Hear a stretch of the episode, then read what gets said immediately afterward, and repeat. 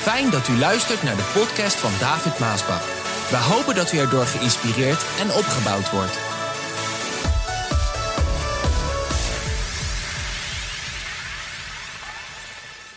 Een man naar Gods hart. Het is onvermijdelijk dat het jongste kind van het gezin minder eigenschappen van een leider ontplooit dan de andere kinderen van het gezin. Hij of zij leidt nooit, hij of zij volgt alleen maar omdat hij niemand heeft die jonger is dan hij om het leiderschap uit te oefenen. En zo gaat dat vandaag en zo was dat ook 3000 jaar geleden in het dorpje Bethlehem, in een gezin met acht jongens. De eerste zeven zoons van Isaï, die werken close samen met hun papa op de boerderij. De jongste van het gezin werd op lange tochten gestuurd om op een kleine kudde schapen van papa te passen. Als hij van huis ging om op de schapen te passen, had hij altijd twee dingen bij zich: zijn slinger en zijn kleine muziekinstrument dat op een gitaar leek. Op de heuvels van Bethlehem, waar de schapen soms dagenlang op één en dezelfde plek graasden, had hij tijd in overvloed. Terwijl de tijd verstreek en hij niet echt iets te doen had, voelde hij zich vaak eenzaam. En dan speelde hij veel op zijn harp. En hij had ook een goede stem.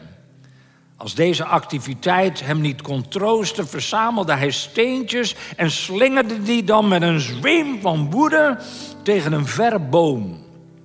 En als de steentjes op waren, nou, begon hij gewoon weer opnieuw. En zo ging hij heel wat van die eenzame gevechten aan. De slingelaar, de zanger, de herder. Hij hield ook veel van de levende God. Als alle schaapjes lagen te slapen, dan, tokkelde hij op zijn harp. En hij gaf een soloconcert bij het smeulende vuur. Hij zong dan de geloofsliederen van zijn voorvaderen. En al zingend weende hij en al wenend brak hij uit in lofprijs en gebed. En warme tranen rolden over zijn wangen. Eens toen hij in volle borst aan het zingen was, kwam hij plotseling oog in oog te staan met een reus van een beer, die erop uit was om een van zijn lammetjes te roven. Terwijl de jongen de grote en sterke beer recht in de ogen keek, besefte hij: hé, hey, ik ben niet bang. Gedreven door een bovennatuurlijke kracht slingerde hij de gladgespoelde steen dan door de lucht heen de aanvaller tegemoet. Even later pakte hij het lammetje op en zong: Ik ben jouw herder en de Heer is mijn herder. In de vette kwam een gestalte op hem afrennen. Het werd groter en groter. Het was zijn broer die riep: David, David, je moet thuiskomen. De oude wijze man wil alle acht zonen van vader ontmoeten. En hij heeft ze allemaal gezien, behalve jou. David rende zo hard als hij kon naar huis. Het zweet gutste van zijn voorhoofd. En zijn hoofd was net zo rood als zijn rode krullend haar. Slank Strak en sterk stond hij daar, de jongste zoon van Isaï. De oude man keek David aan en wist iets wat alleen God weet. Kniel, zei de oude man met zijn baard en zijn lange grijze haren. En toen voelde David plotseling olie over zijn hoofd heen stromen. Er flitste één gedachte door hem heen. Dit is wat mensen doen als ze iemand koning maken. Wat een dag was dat in het leven van David. En met het salven van David riep de oude man: Zie, de gezalfde des Heren. Samuel ging naar huis. Zijn broers gingen het leger in en David kwam in de burcht van koning Saul terecht, die soms knettergek en heel erg boos werd. Als de waanzin over Saul kwam, dan werd David gehaald en moest hij zingen en spelen totdat koning Saul weer tot rust was gekomen. De dienaren vroegen zich altijd verwonderd af hoe komt die jongen toch altijd aan die mooie woorden en muziek? Saul was waanzinnig en jaloers en voelde zich bedreigd door David. Zoals het wel vaker gebeurt bij mensen die populaire en veelbelovende jonge mensen onder zich hebben werken. Saul dacht, op zekere dag kan het wel eens zo zijn dat David mijn taak gaat overnemen. Maar zal hij het wel overnemen op een eerlijke manier of niet? Saul wist het niet. En dat maakte hem in zijn hoofd knettergek. Waardoor hij in zijn boze driftbuien speren naar David begon te gooien. Hij kon dat. Hij was de koning. Koningen doen dat. Zij beweren het recht te hebben om speren te gooien. Iedereen weet dat zulke mensen het recht hebben om speren naar anderen te gooien. Maar hoe weten zij dat zo goed? Nou, omdat de koning hen dat verteld heeft. Vele malen. Ja, vele malen. En daarom, lieve mensen, u die luistert, gooit uw koning ook met speren, dan is uw koning ook knettergek. David had een vraag. Wat doe je als iemand speren naar je gooit? David wist het echt niet. Maar vele mensen weten het wel vandaag. Gewoon, je raapt de speer op en gooit hem meteen weer terug. Iedereen doet dat. Ja, zeggen zij. Als je dat doet, ben je moedig. Sta je op voor je rechten. Stel je je tegen het onrecht. Laat je niet over je heen lopen. Duld je geen oneerlijke behandeling. Ben je een verdediger van je geloof? Ben je de drager van de fakkel? Breng je het onrecht in het licht. Zuiver je de gemeente.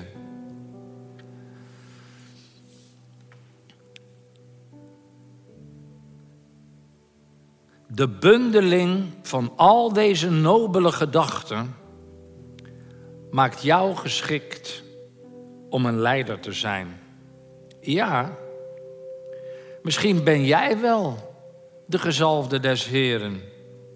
Maar met het hart van Saul ben je over twintig jaar de meest bedreven speerwerper van het hele land. En tegen die tijd ben jij net als Saul knettergek. David wist niet precies wat hij moest doen. Maar één ding deed hij niet: teruggooien van speren. David was gewoon anders. Hij dook opzij. Dat was alles. Wat moet je dus doen wanneer iemand speren naar je werpt? Neem een voorbeeld aan David. A. Duiken. En B. Net doen alsof er niets gebeurd is. Koning Saul was erop uit om David te doden. God liet het toe en gebruikte dit om de Saul in het hart van David te doden. Met andere woorden, God gebruikte de uiterlijke Saul om de innerlijke Saul in David te doden. Waarom? Zodat David geen Saul 2 zou worden. En daarom ging David er helemaal aan. Dat moest ook, Anders zou Saul één in hem blijven wonen. En David aanvaarde dit lot, omarmde de omstandigheden, hief zijn hand niet op, bood geen tegenstand. In stilte en alleen doorstond hij de vuurproef. En hierdoor werd David diep verwond. Heel zijn innerlijk werd verminkt. Heel zijn persoonlijkheid veranderde. Toen de slachtpartij eenmaal voorbij was, was David niet meer hetzelfde. Niemand vindt dit fijn, behalve God. David deed het juiste.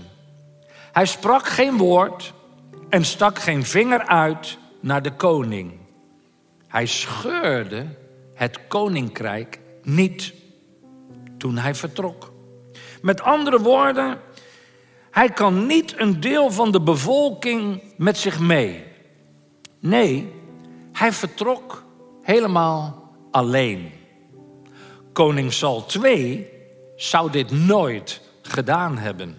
Die neemt altijd degene mee die zogenaamd beslist mee willen gaan. Ja, zo is het toch? Er zullen altijd mensen zijn die jou helpen om het koninkrijk van Sal II op te richten. Zulke mensen durven nooit alleen te vertrekken. Maar David vertrok en stond alleen.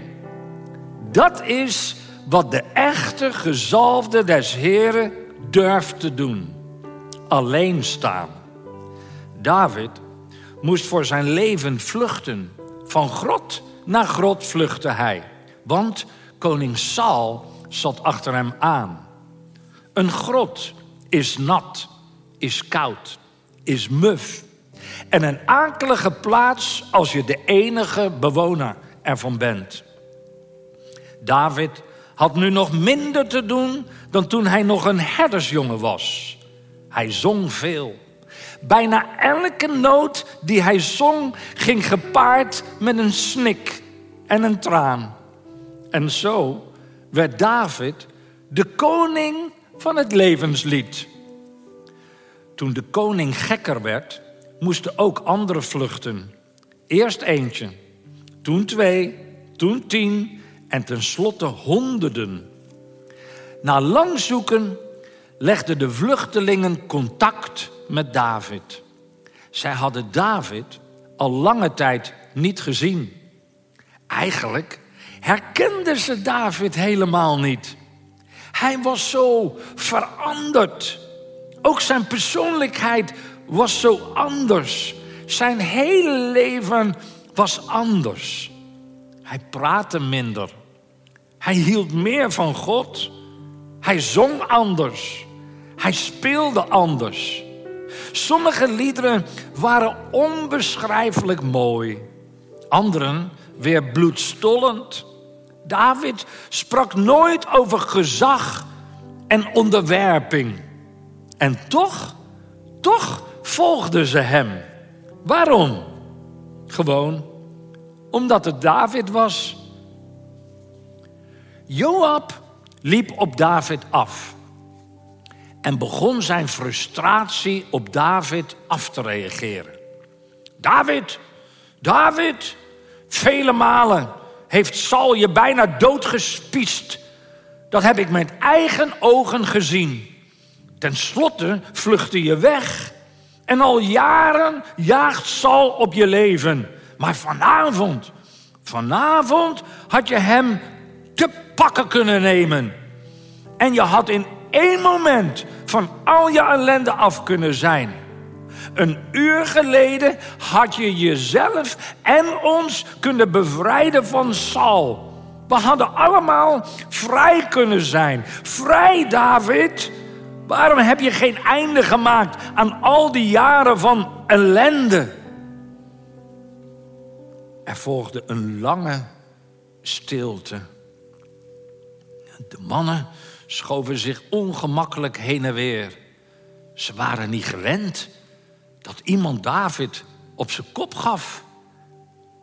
Daarom zei David, langzaam en zachtjes, omdat Saul eens lang geleden niet waanzinnig en niet gek was. Hij was jong, hij was geweldig, hij was groot, hij was sterk. En het was God zelf die hem koning maakte. God, niet mensen, God zelf. Joobs antwoord was fel. Ja, maar nu is hij gek. En God is niet langer met hem. En hij zal jou nog doden, David. En dit keer was Davids antwoord fel. Beter dat hij mij doodt dan dat ik zijn manieren overneem.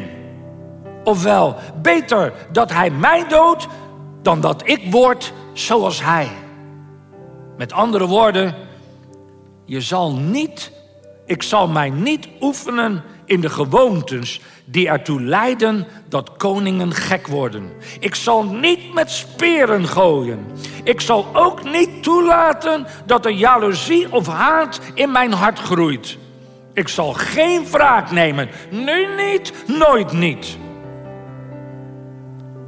Joab en zijn mannen begrepen er niets van. En zij mopperden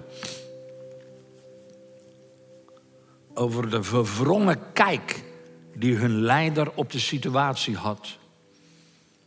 Ze gingen naar bed op koud en nat gesteente. Het was een zeldzame dag waarin men misschien toch nog hoop was dat God zijn gezag kon geven aan iemand die betrouwbaar was.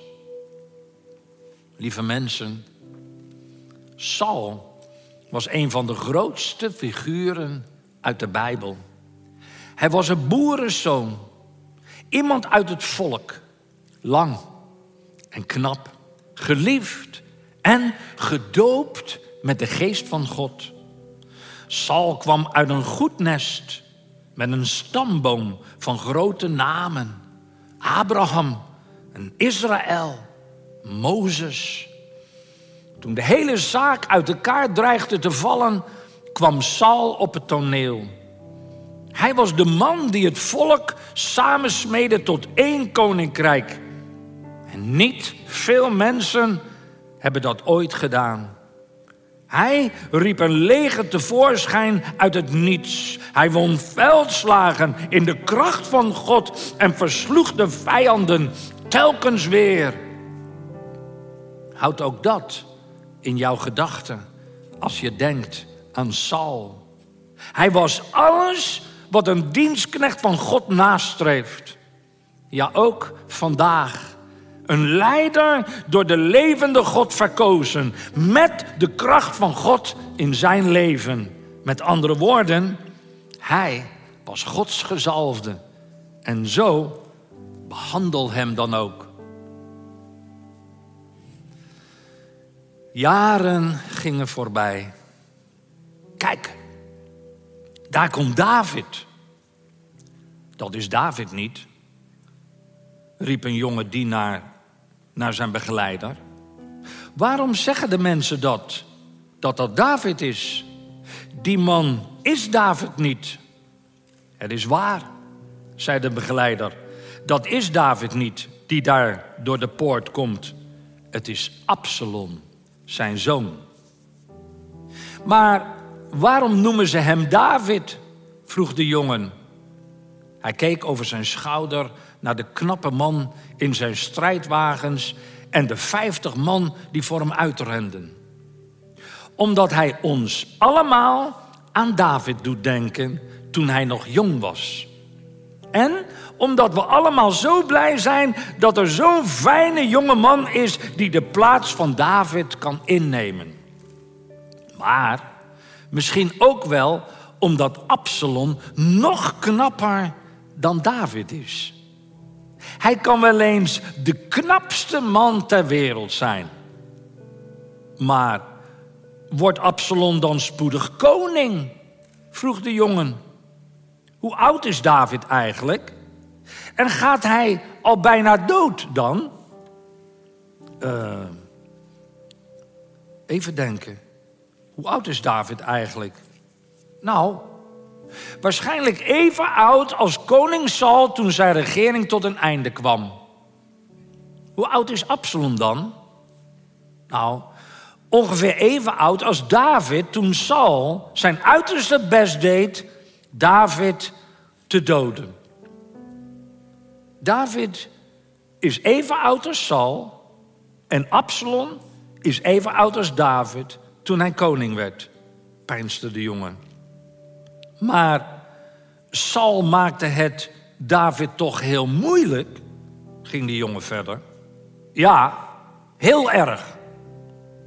Zal David Absalom op dezelfde manier behandelen?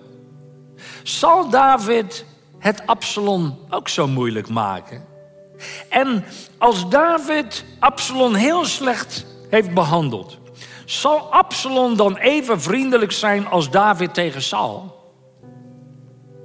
Wat stel jij toch een hoop vragen, zei de begeleider tegen de jongen. De toekomst zal het leren. En samen liepen zij door het paleis naar binnen. Zeg wijze man, heeft u even tijd voor mij? Natuurlijk, antwoordde de wijze man. Ik heb alle tijd voor u. Bent u juist teruggekomen uit de samenkomst met Absalom en zijn vrienden, daar bij hem thuis? Ja, dat klopt. Hoe was het daar? Nou, twee dingen zijn mij heel erg duidelijk. Tijdens die meeting was Absalom bezig met het beantwoorden van vragen. En telkens legde hij de nadruk dat er in het koninkrijk vrijheid moest zijn. En iedereen vond dat geweldig. Een volk moet alleen door God geleid worden, zei hij, en niet door mensen. Mensen moeten alleen doen waartoe ze zich door God geleid voeden. We moeten God volgen en geen mens. Ja, dat waren ongeveer zo'n beetje zijn woorden. En tijdens een andere vergadering sprak hij over de grote visie die hij had.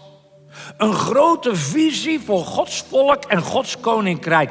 En hij sprak over alles wat Gods volk tot stand zou kunnen brengen. Over de vele veranderingen die hij zou aanbrengen als hij koning was. Wel raar hè? Deze twee zaken samen. Vele veranderingen en vrijheid. Wijze man, ik denk dat ik begrijp wat u bedoelt. Absalom droomt. Hij droomt over alles wat eigenlijk nog moet komen.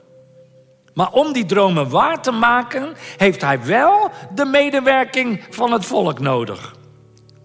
Ja. En dat is precies het punt waar vele mensen overheen kijken. Dit soort dromen berusten allemaal op veronderstellingen. Veronderstellingen dat het hele volk wel achter de nieuwe leider zal staan. Dat ze het allemaal zien zoals hij het ziet. Zulke mannen voorzien geen enkel probleem in hun eigen toekomstig koninkrijk. Mogelijk zal het volk volgen, mogelijk niet. Ach, mensen en helemaal Gods volk volgen nooit eensgezins een droom. Nee, alles waarover Absalom sprak zal tijd kosten. Niet iedereen zal hem volgen en meedoen. Maar is hij dan wel vast besloten om zijn dromen waar te maken? Jazeker, al moet hij over lijken. of een dictatuur. Maar als hij een dictator wordt, dan zul je zien dat de mensen over niet al te lange tijd ook over hem ontevreden zullen zijn. En ook dan zul je zien dat er weer nieuwe samenkomsten zullen komen, zoals nu. Met nieuwe gezichten, nieuwe dromen, nieuwe plannen en een nieuwe opstand. Maar dan tegen Absalom. En als Absalom dan hoort van zulke vergaderingen en het praten over een opstand, dan zal hij zeker één ding doen: de opstand neerslaan. Met groot geweld. Want opstandelingen die via een opstand de troon bestijgen, hebben geen geduld en geen genade.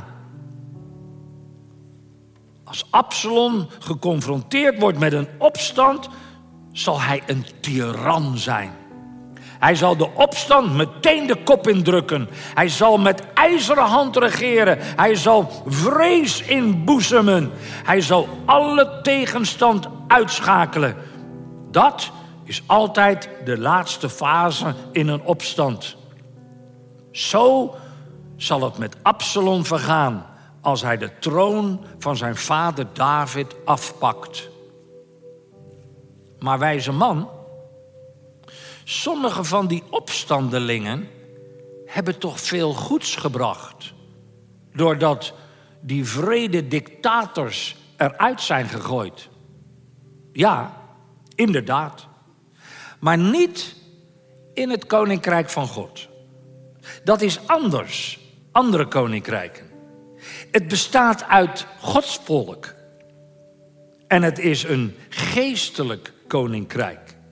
Iedere opstand in Gods koninkrijk is ongepast. Er zal nooit een zegen op rusten. Waarom is dat zo?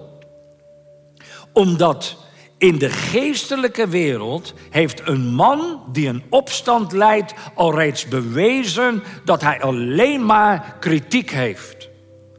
Gods principes kent hij niet. En hij heeft altijd verborgen motieven in zijn hart. Al komt hij als een engel van het licht. Met allemaal nobele en prachtige woorden. Hij is en hij blijft een dief. Hij brengt ontevredenheid teweeg en als de tijd rijp is, grijpt hij de macht.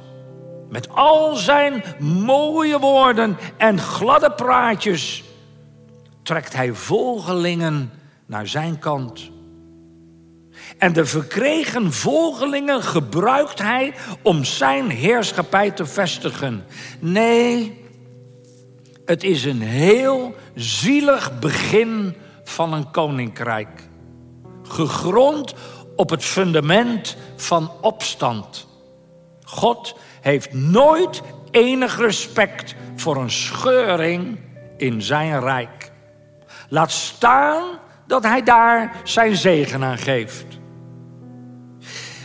Weet je wat altijd zo raar is? De mensen die denken dat ze bevoegd zijn om Gods koninkrijk te scheuren, voelen zich nooit in staat om alleen weg te gaan naar een andere stad, land of plaats. Om daar een heel nieuw koninkrijk te stichten. Nee, ze moeten altijd stelen van een andere leider. Alles wat zij nodig hebben zijn een paar voorverpakte volgelingen. Die toch eigenlijk altijd de kant kiezen van de opstandelingen. Nee, iets nieuws opzetten, van de grond af aan beginnen of alleen met hun gezin. Ach, het spreekt boekdelen over hun zekerheid dat God met hen is. Zeg eens, wijze man, hoe weet u dat allemaal? En wat is uw naam? Mijn naam is geschiedenis. Koning David stond bij de balustrade van zijn daktuin. En hij keek over de stad heen.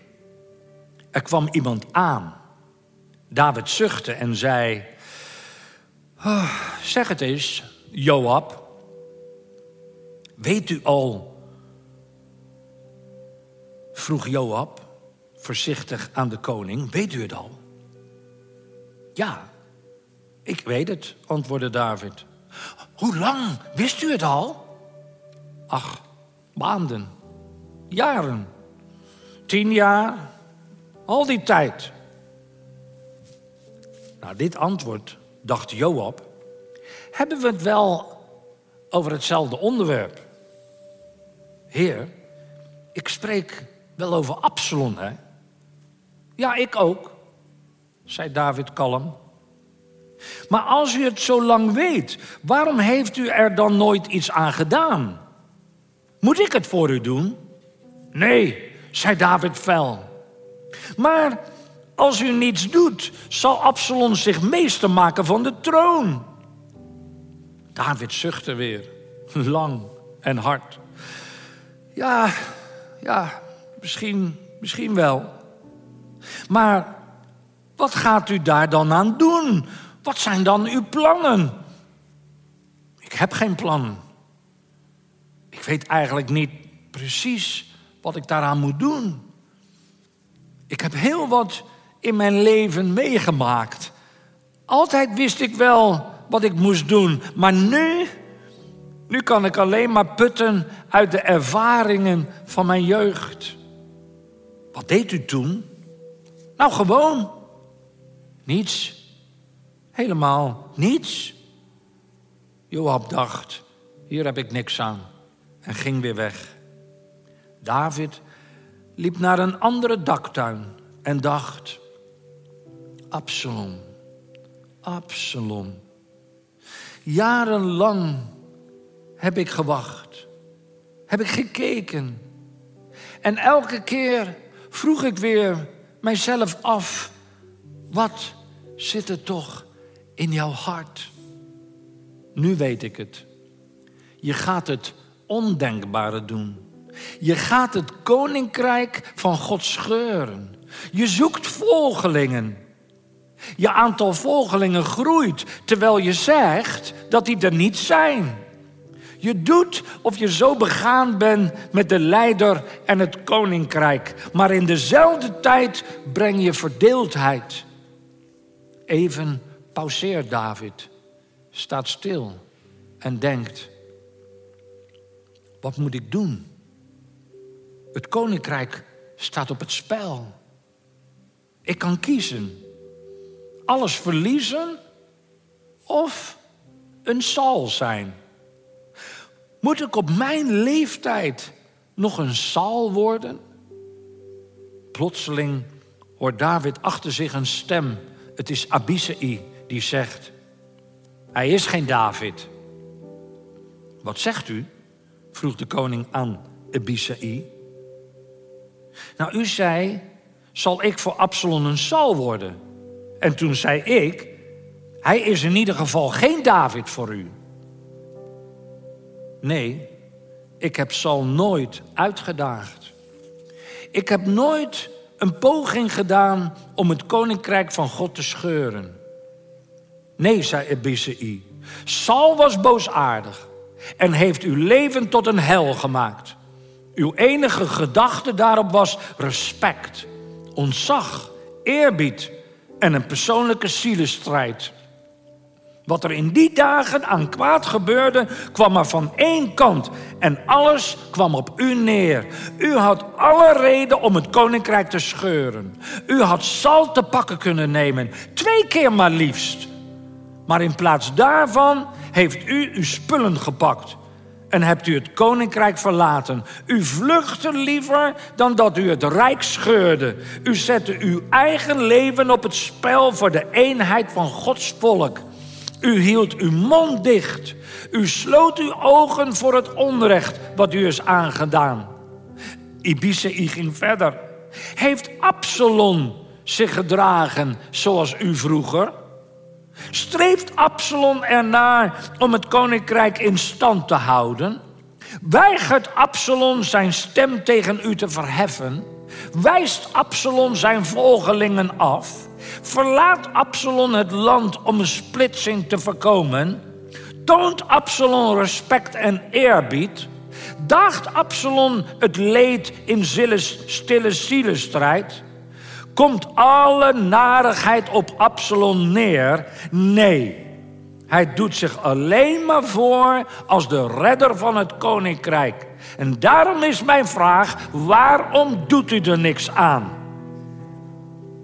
Abisai. Abisai, zucht David. Wat jij mij vraagt, is om een Saul te worden. Nee, dat is het niet. Alles wat ik zeg is, hij is geen David. Houd hem tegen. De dag gaat komen dat hij het hele leger tegen u in opstand brengt. Nee, niet alleen het hele leger, maar het hele koninkrijk. De jonge Absalom is niet de jonge David. Maar als ik hem tegenhoud, zal ik dan nog wel David zijn en geen Saul? vroeg de koning. Om hem te stoppen moet ik of Saul worden of een Absalom. Terwijl David dit zei, kwam Sadok binnenlopen. Zeg Sadok, jij bent een priester, zei David. Vertel me eens een verhaal dat lang geleden is gebeurd.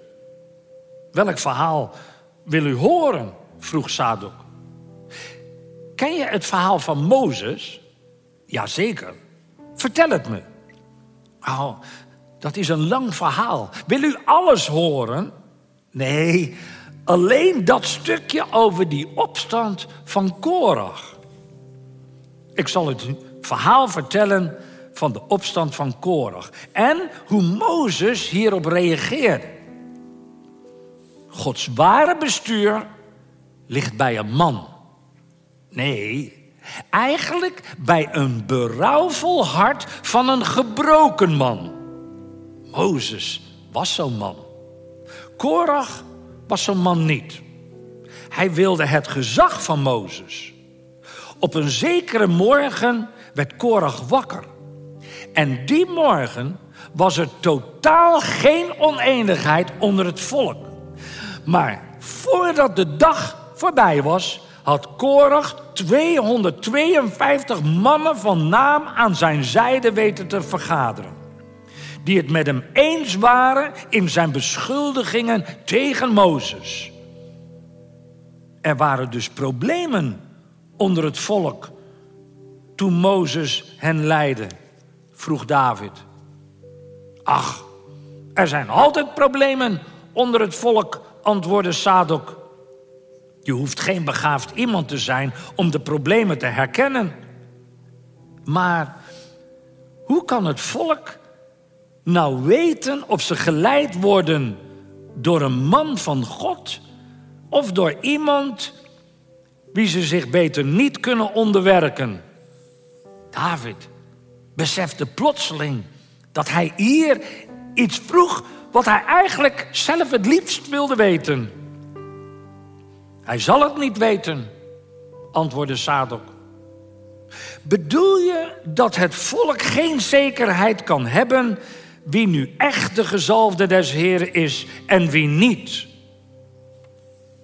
We zullen er nooit zeker van zijn. Maar wie weet het dan wel? God weet het. Maar die zegt het niet. Dus dan weet het volk eigenlijk niet wie het moet volgen. Hun kleinkinderen. Zij kunnen het wel weten. Maar zij die direct in betrokken zijn, zij zullen het nooit echt zeker weten. En toch, toch komt er altijd iets goeds uit het hele gebeuren. Iets goeds? vroeg David. Ja, iets goeds. De harten van alle betrokken mensen worden getest. De een beweert dit, de ander beweert dat. Maar wat men ook zegt, de motieven in het hart van alle betrokkenen worden zichtbaar.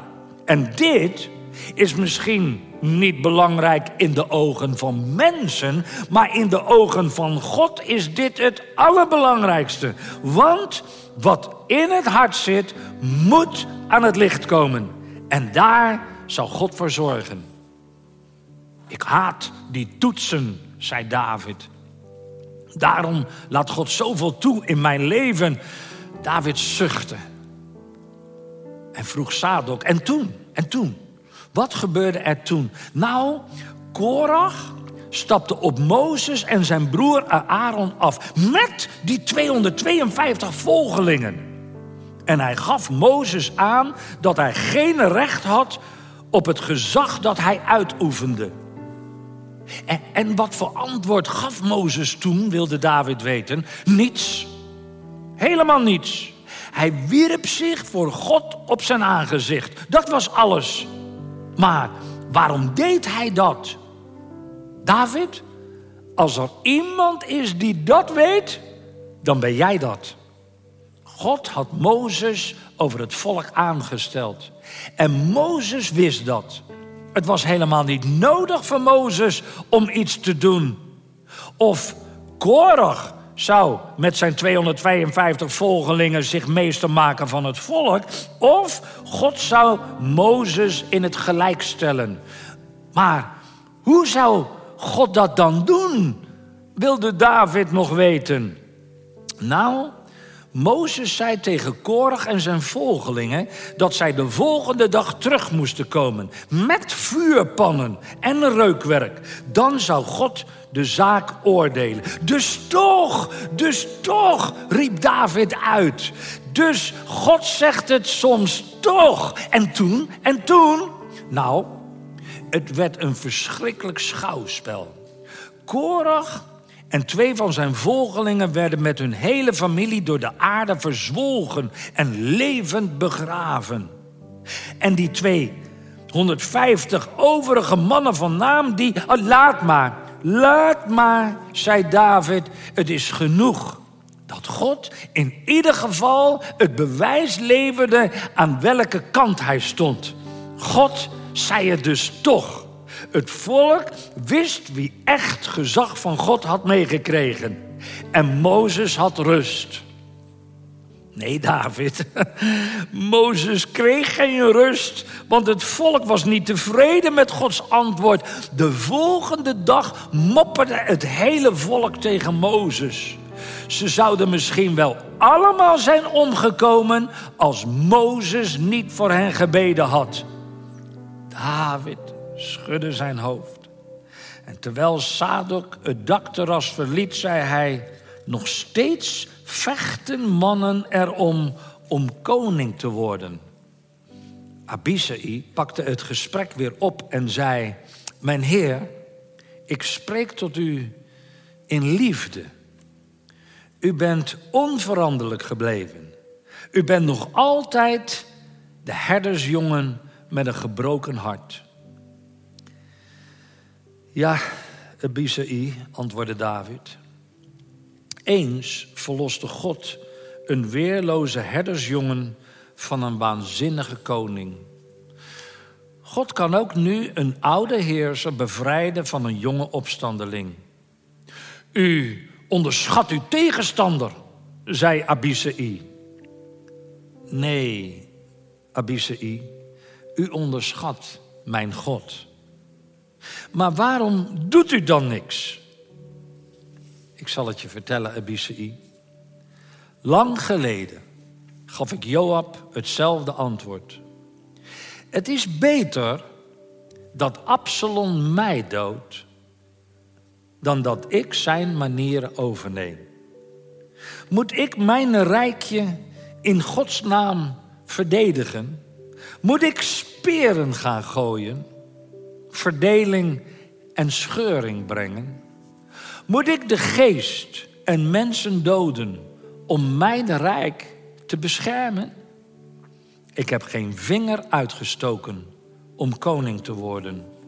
God heeft mij koning gemaakt. God heeft mij hier geplaatst. En daarom, Abisai, laat ik de bescherming van het koninkrijk aan God over. Ik leg, ik leg de zaken in Gods hand. En ik laat het daar. De troon is niet van mij. Ik hoef hem niet te beschermen en ik mag hem niet vasthouden. De troon is van de Heer en het koninkrijk ook. Ik zal God niet in de weg staan door de zaken in eigen hand te nemen. Nu niet, nooit niet.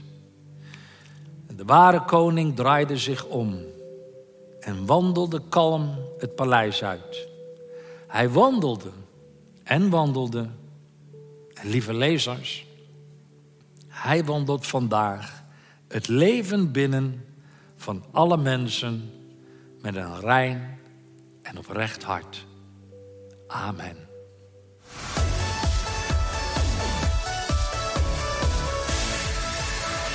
Bedankt voor het luisteren naar deze podcast. Wilt u meer preken beluisteren? Ga dan naar message.maasbachradio.com. Bezoek ook eens onze website www.maasbach.nl.